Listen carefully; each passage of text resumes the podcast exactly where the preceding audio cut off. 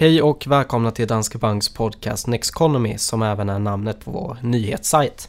Den här veckan är jag och Maria tillbaka igen. Ja, efter ett litet juluppehåll. Ja, precis. Men vi är back in business. Och idag ska vi prata taktisk allokering och investeringsprocesser. Eh, det är ganska många intressanta ord där. Ja, verkligen. Men eh, har du en investeringsprocess? Ja, men det har jag. Eh, men den ser lite olika ut för olika delar av mitt sparande. Och eh, tittar man till exempel på mitt, mitt pensionssparande, som liksom det här långsiktiga, stabila som jag ska ha den dag jag slutar jobba. Då har jag ju mer en eh, liksom strukturerad global allokering som efterliknar ett globalt index i hög utsträckning. Ehm, jag sätter ihop det huvudsakligen med indexfonder så att jag eh, försöker hålla ner avgifterna. Men sen så har jag också lite aktivt förvaltade fonder, mm, marknader eller sektorer som jag tror på. Och eh, där gör jag förändringar ungefär en gång per år och då handlar det mer om en rebalansering och att jag ser ut den där toppingen eh, och kanske byter ut en marknad mot en annan. Men sen har jag ju ehm, en mer aktiv depå också. Där jag har ett liksom, månadssparande i grunden och sen aktier som jag investerar i. Um, och det, där försöker jag ju inte få till den här globala exponeringen utan då är det mer också för att jag är intresserad och för att jag tycker att det är kul att hålla på lite med enskilda bolag. Um, men i och med att vi har regler för hur ofta vi får handla här så gör jag inte jättemycket affärer heller. Och du då? Du är väldigt strukturerad, det vet jag ju för jag jobbar ju med dig. Ja, eh, ja men min process som den ser ut i dagsläget handlar ju framförallt om att fylla på mitt ISK varje månad. Och sen bara att ha den allokering och risk som jag tycker känns rätt för mig då. Så den processen är inte mycket mer än så just nu. Eh, och sen att jag rebalanserar då och då. då. Men eh, tidigare så var det ju när jag körde mer stockpicking så hade jag ju mer eh, tydligt kring checklistor och eh, bevakningslista och jag hade anteckningar kring köp och säljbeslut så då var det ganska fokuserat kring hur processen mm. skulle se ut och hur jag skulle agera. Var det även framgångsrikt? Ja men det var det ju. Mm. Alltså jag tror nog att om man ska hålla på med stockpicking, i alla fall för mig och särskilt som det var ganska tidigt i min investerarresa så att säga, så tror jag att det behövdes för att inte göra massa misstag. Mm. Faktiskt. Men ja, så, så är det med det. Men du, och vi ska alltså prata både om investeringsprocess för den taktiska allokeringen i Houseview och sen mm. investeringsprocesser generellt och varför det kan vara bra att ha en sån. Men innan vi hoppar in på det så blir det veckans Aktuellt som eh, vanligt. Vad är det denna vecka det? Ja, nu tänkte jag faktiskt eh, ta mig friheten att köra eh, årtiondets Aktuellt. Ja. Det här är, vi är ju inne i ett, ett nytt årtionde, vi har precis avslutat 10-talet. Och om man blickar tillbaka då så var det ett fantastiskt årtionde. Både för aktier, för obligationer, eh, företagsobligationer, alltså kreditmarknaden. Så kollar man på ett globalt aktieindex så gav det i genomsnitt en avkastning på 12,5% per år. Vilket är en högre avkastning än vad vi haft om man drar ut över långa tidsperioder historiskt. Och framförallt var det ju drivet av att USA gick så starkt. Så att den amerikanska aktiemarknaden gav en genomsnittlig avkastning på drygt 16,5% per år. Och det är ju drivet av fangbolagen, alltså de här stora teknikjättarna som har gjort en otrolig resa under det här årtiondet. Även svenska aktier gick bra, även globala företagsobligationer trots att vi hade ett så lågt ränteläge ehm, och svenska företagsobligationer och statsobligationer gav också en, en väldigt fin avkastning. Så att, eh, det var ett decennium där det nästan var omöjligt att förlora pengar om man var investerad hyfsat brett och inte chansa på, på någon specifik aktie förstås. Så jag ska väl säga att det enda som eh, var en, en olönsam investering det måste ju ha varit sparkontot. För det har ju inte gett någon ränta i princip alls de sista tio åren och vi har ju ändå haft lite inflation. Så att sparkontot har varit ett sätt att få kapitalet att minska i värde men allting annat har fått det att stiga. Så en fantastisk utveckling det senaste decenniet då, men vad säger det om det kommande decenniet? Är kanske frågan. Ja precis och då säger ju det att avkastningen framöver om man blickar framåt eh, till 2030 om vi då gör en, en historiskt så kommer det sannolikt vara en, en lägre genomsnittlig avkastning. Och det finns ju flera anledningar men dels är det ju på aktiesidan att vi har en konjunkturcykel som är över 10 år lång och eh, den längsta börsuppgången vi haft i modern tid. Nu tror inte vi att det kommer någon lågkonjunktur de närmsta, säg 12 till 18 månaderna i alla fall. Men förr eller senare kommer det ju att det kommer det närmsta decenniet. Det är ju ganska troligt. Och det kommer innebära en period av svagare utveckling för börsen och sannolikt en, en nedgång då.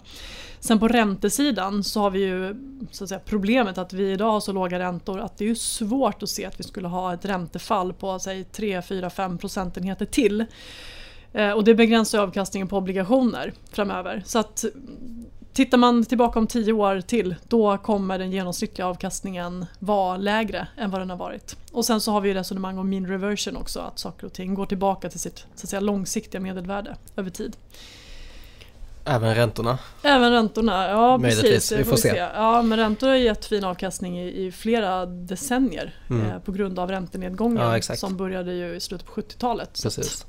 Och det blir ju, för just den där låga räntan, det gör ju också att alltså skillnaden då i avkastningen mellan räntor och den här riskpremien då för att investera i aktier. Mm. Det gör ju också då att ja, då ska man nog inte förvänta sig samma avkastning på aktiemarknaden heller. Nej, det ska man inte göra. Så det är något av en bov den här eh, låga räntan just nu då. Men, ja, men den är en bov. Men mm. sen ska man inte avskräckas helt heller utan de fyller ju fortfarande en jätteviktig funktion. Alltså ja. obligationer, eh, räntefonder, även om avkastningen är låg. För att det stabiliserar, mm. man får en diversifiering i portföljen och sådär. Precis, och vi hade ju faktiskt en ganska bra bild på det där där vi Eh, där vi kollade på hur, eh, alltså jag tror det var, kan det ha varit europeiska statsobligationer, hur de hade presterat i nedgångsperioder. Mm. Så man kollade när börsen hade gått kraftigt neråt så visade det sig ändå att de här eh, europeiska statsobligationerna har ju faktiskt eh, stigit i värde då. Mm. Så det är inte bara det att de stabiliserar eh, utan även då att efterfrågan på de där säkra, alltså flight to safety mm. i de där tiderna gör ju att man faktiskt kan få en avkastning på eh, ja. obligationerna också.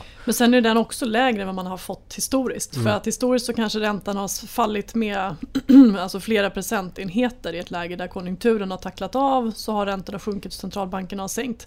Men nu är vi redan på så låga nivåer så att mm. idag handlar det ju om, om liksom ganska, ganska liten stötdämpning från obligationer jämfört med hur det sett ut mm. historiskt. När räntan var 10% så säg att den gick ner till 5. Mm. Då får man ju en jättefin värdeutveckling på långa obligationer. Det Fast får man ju inte när ja. den går från säg 0 till minus 0,5%. Fast fortfarande på korta obligationer tänker jag att om eh, alltså efterfrågan ökar så får man i alla fall upp eh, priserna på det sättet eh, ja. i de där eh, tiderna. Ja, ja, men något får man upp priserna. Ja, men eh, inte men samma inte effekt som, som det har varit då. förut. Nej, mm. nej just det. Ja, men bra, jag tycker att vi hoppar vidare och börjar prata om just investeringsprocessen för den taktiska allokeringen i Houseview då som ju är ett team som du är en del av. Ja, och vi är ju eh, nio personer som sitter och jobbar med makro och marknadssyn och investeringsstrategier för de kommande 3 till 12 månaderna då. Och då handlar det inte om så vilka produkter man ska använda sig av utan vilka marknader tror vi på, vilka tillgångslag ska man investera i givet då synen på tillväxt och konjunktur, på räntor, på valutor, geopolitik med mera. Då. Eh, och vi har ju lite olika kompetenser i det här teamet. Så att vi är några som har mer aktiebakgrund och mer aktier som specialområden. Sen är det andra som är duktiga på obligations och kreditmarknaden och andra säger för att jag kommer mer från aktiesidan så att jag hör dit. Sen ansvarar vi för olika regioner som USA, tillväxtmarknader, eh, krediter och så vidare i mindre team då som vi sen diskuterar i den större gruppen. Mm. Och det finns väl förutsättningar med det, alltså att ha olika perspektiv och ja, det är väl så generellt när man ska fatta beslut oavsett vad det är så behöver man ju olika perspektiv på saker. Så just att ni har olika inriktningar gör väl att ni fattar bättre beslut kan man tänka sig? Ja förhoppningsvis så gör det att vi får fler infallsvinklar och eh, vi har ju några som är liksom, i grunden kanske mer pessimistiskt lagda och andra som är mer optimistiskt lagda. Och det är ju också bra för att då ställs ju olika syner mot varandra hela Vilken tiden. Vilken sida står du på? Jag är ju mer en optimist. Jag, jag kommer från, som sagt från aktiesidan och eh, jag tror att man min, min egen grundanalys är att oftast är man mer liksom bullish då, man är mer positiv till, till framtiden. Eh, men jag, jag har en, en positiv grundsyn och ehm, med tanke på att börsen ju faktiskt stiger fler år än den faller så tenderar man ju att ha, ha rätt fler år än om man alltid sitter och väntar på den där stora nedgången. Mm, ja, men det är men sagt, rationellt det är, att vara optimist på aktiemarknaden. det är rationellt att vara optimist. Mm. Men, eh, men som sagt, det är jättebra att vi har olika infallsvinklar för jag tror mm. att det resulterar i bättre beslut och att vi har fler perspektiv med i, i beslutsfattandet. Mm. Och eh, vilken information är viktigast och var hämtar ni data för att ta beslut om eh, Eh, marknadssynen? Ja, vi har ju ehm, tillgång till flera olika verktyg eh, förstås, analysverktyg där vi har ja, men massor med data och dataserier där vi kan eh, dels gräva fram material och sen ta fram grafer och så som då stödjer den marknadssyn vi så småningom landar i. Sen eh, läser vi alla förstås en massa rapporter löpande, eh, både externa som vi abonnerar på men sen har vi ju också den interna analysen som kommer från Danske Bank Markets. Och vår allokering bygger ju på våra egna eh, makroprognoser och vi har ju prognoser för valutor och räntor och sådär. Sen har man ju förstås ovanpå det här då allt dagligt läsande av nyheter, vad som händer. Eh, för där kan ju svänga från dag till dag vad Trump säger om handelsavtalet eller om han gör något utspel mot Europa, det händer något i Mellanöstern, det kommer ny konjunkturstatistik. Så att det, eh, det är både det här dagliga men också mer liksom långsiktiga teman för mm. året som kommer. Och så samlar ni ihop det på något sätt och eh, möts upp allihopa. Men vem är det som fattar besluten sen då i slutändan? Vi brukar göra eh, polls, alltså enkäter, där man får fylla i vad man tycker om olika regioner och vilken conviction man har. Alltså om man, är, eh, om man har en svag övertygelse, en, en medelövertygelse eller om man har en stark övertygelse om om olika delar av allokeringen. Då. Men skulle det vara så att vi är väldigt oense så har vi ju en, en chef eh, som sitter i Danmark som är säga, global chefstrateg och eh, i så fall så har ju han utslagsröst. Men vi försöker nå hyfsat konsensus och det tycker jag att vi, vi brukar nog kunna landa i det i diskussionerna. Vi har ju möte varje vecka och pratar om det här. Mm. Ja, det känns ju som att det är en ganska så här meritokratisk process då. Att alla får göra sin röst hörd.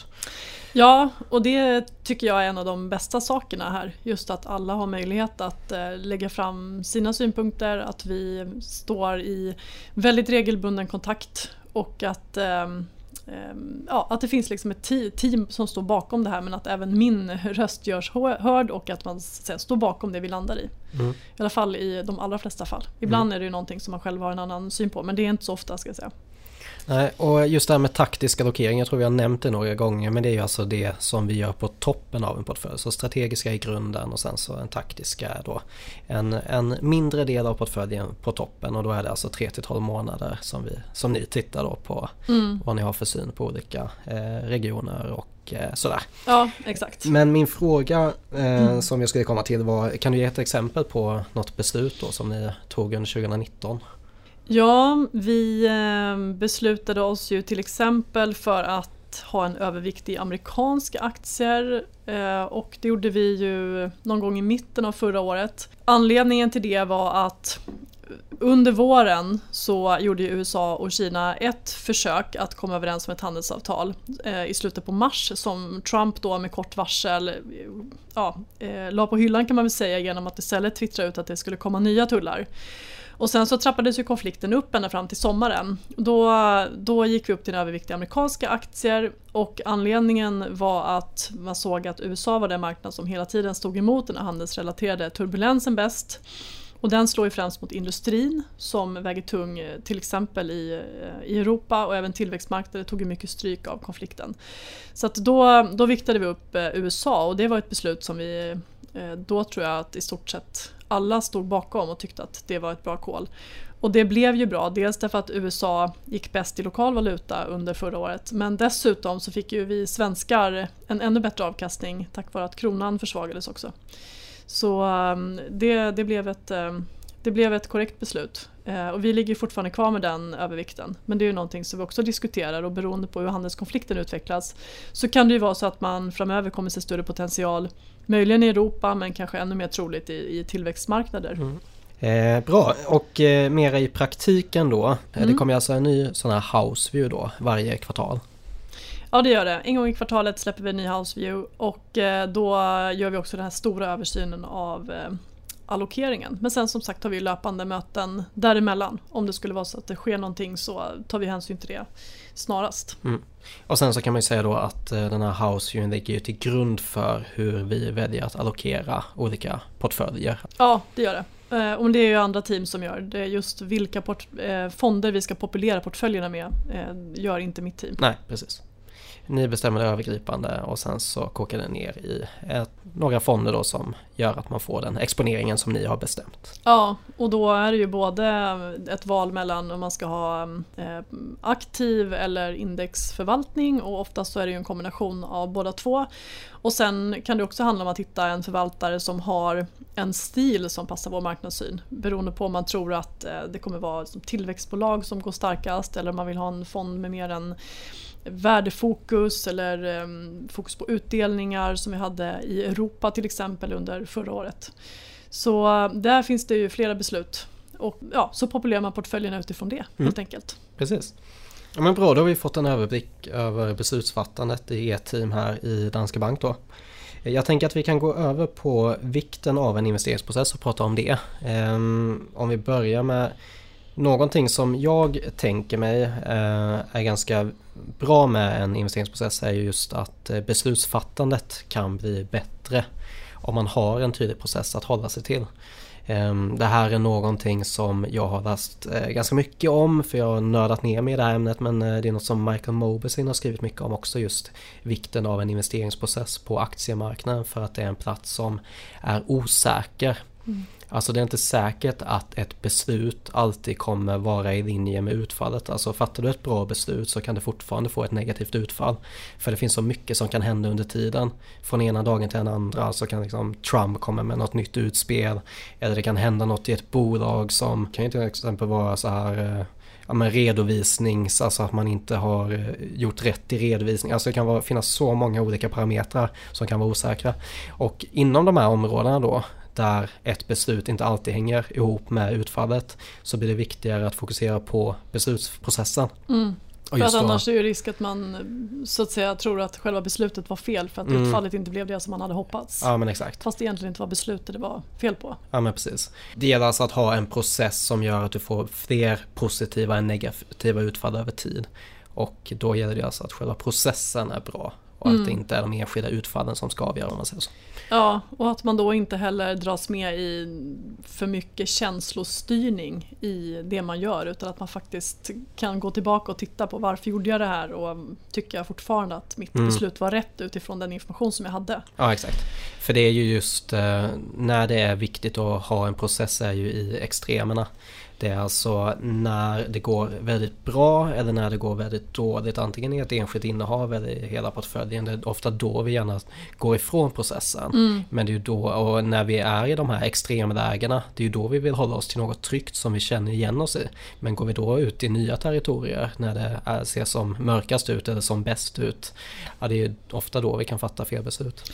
Och det blir man ju på ett sätt uppmuntrad att göra också därför att om börsen går extremt starkt som det gjorde under hösten då tenderar det ju att komma väldigt mycket artiklar också i tidningarna till exempel om eh, hur bra, alltså varför går det så bra och när man blickar framåt så lyfter man fram då till exempel strateger som har en mer positiv marknadssyn.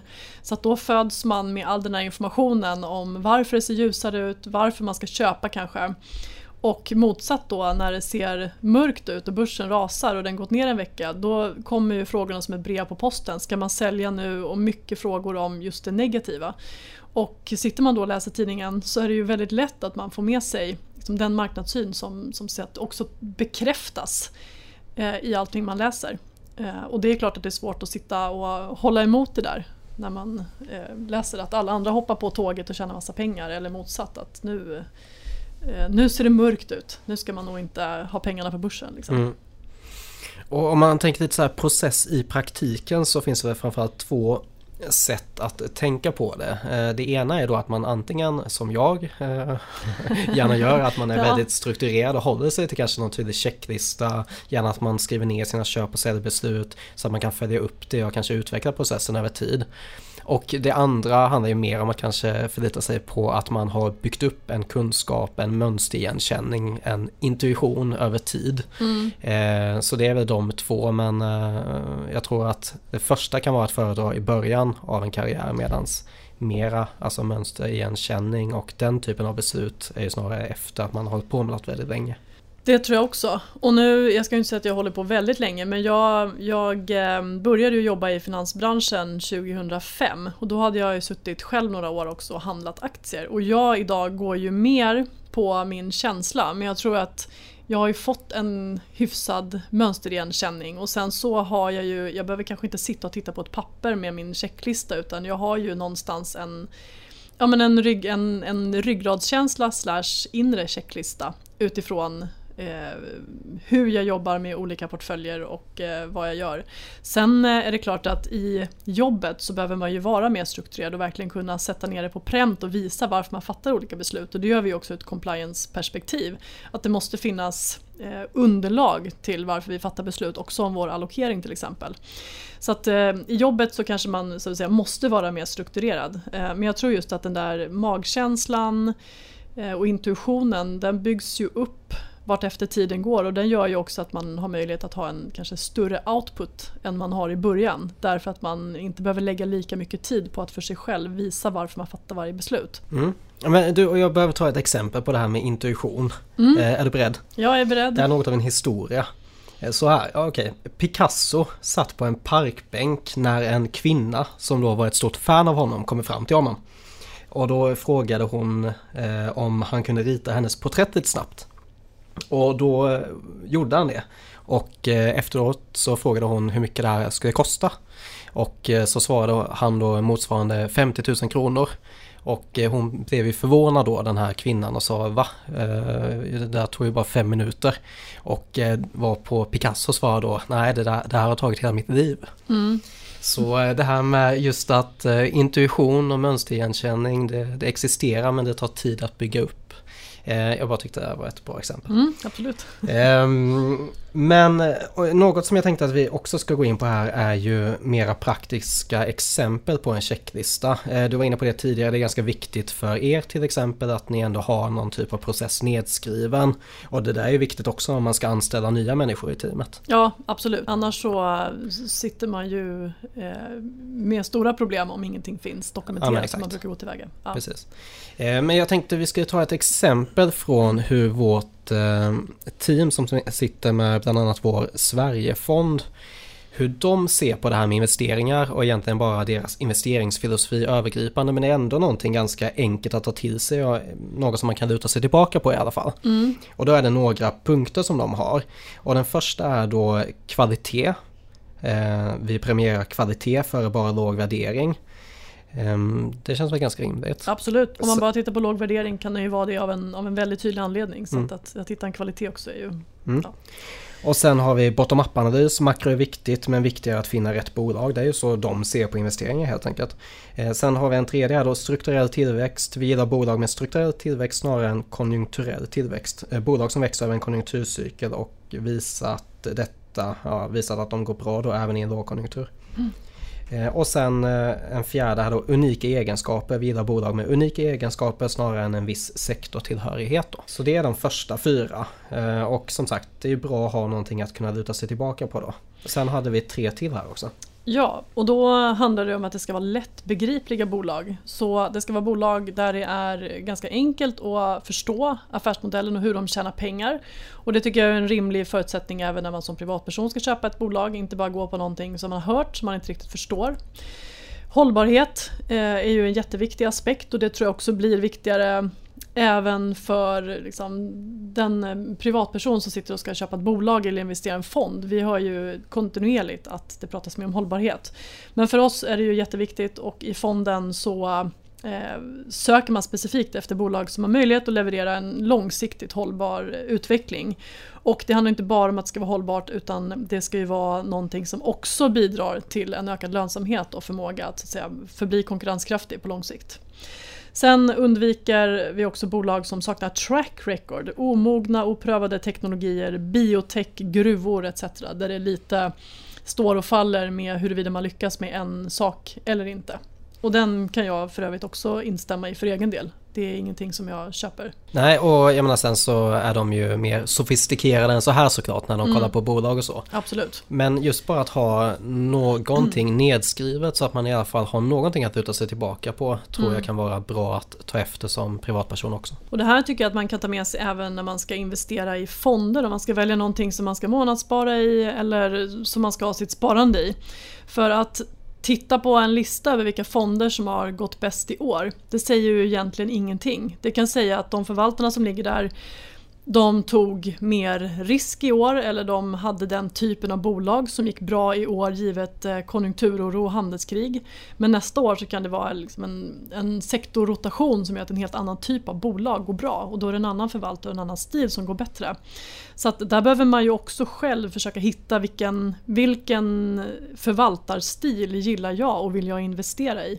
Och sen eh, kan man ju då på ett annat sätt acceptera att fonden kanske går sämre än, än andra, man tittar på bara Sverigefonder för att det finns ju otroligt många olika typer av bara Sverigefonder eller vilken sorts fond som helst.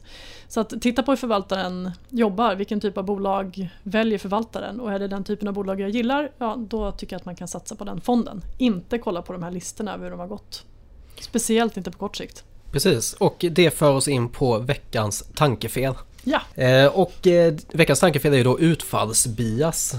Så om vi tänker oss tillbaka till savannen här igen. Eh, på den tiden, alltså säg 100 000 år sedan, då fattade vi ganska fåtal beslut under en livstid och de där tenderade att vara ganska överlevnadsbaserade. Och eh, ja, men det, det, kunde ju handla om att åt du en fel svamp så kunde du dö. Eh, mm. Klappade du en tiger så kunde du bli uppäten. Gick du till fel Homo sapiens stam så kunde du bli nedknubbad. Mm. Ganska enkelt så här, dåligt beslut, dåligt utfall. Mm. Du dör. Ja, tydligt och bra.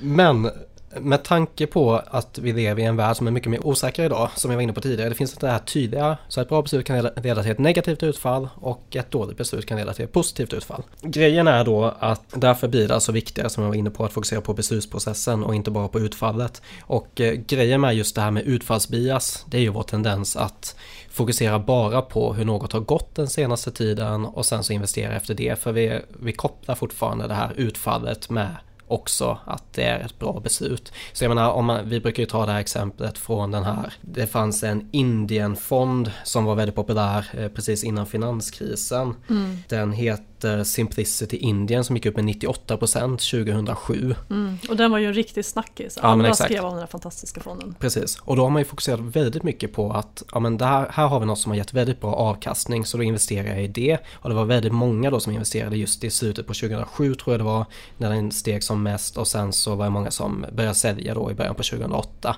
Men det man ska fokusera på istället för att bara fokusera på resultatet är ju snarare så här, ja men passar en Indienfond in i mitt sparande? Passar den in i min portfölj? Hur mycket ska jag ha i Indien över tid? Um, och sen så funderar jag på då investeringsfilosofin i fonden. Är det här någonting som jag kan relatera till och mm. som passar kanske min övriga portfölj då?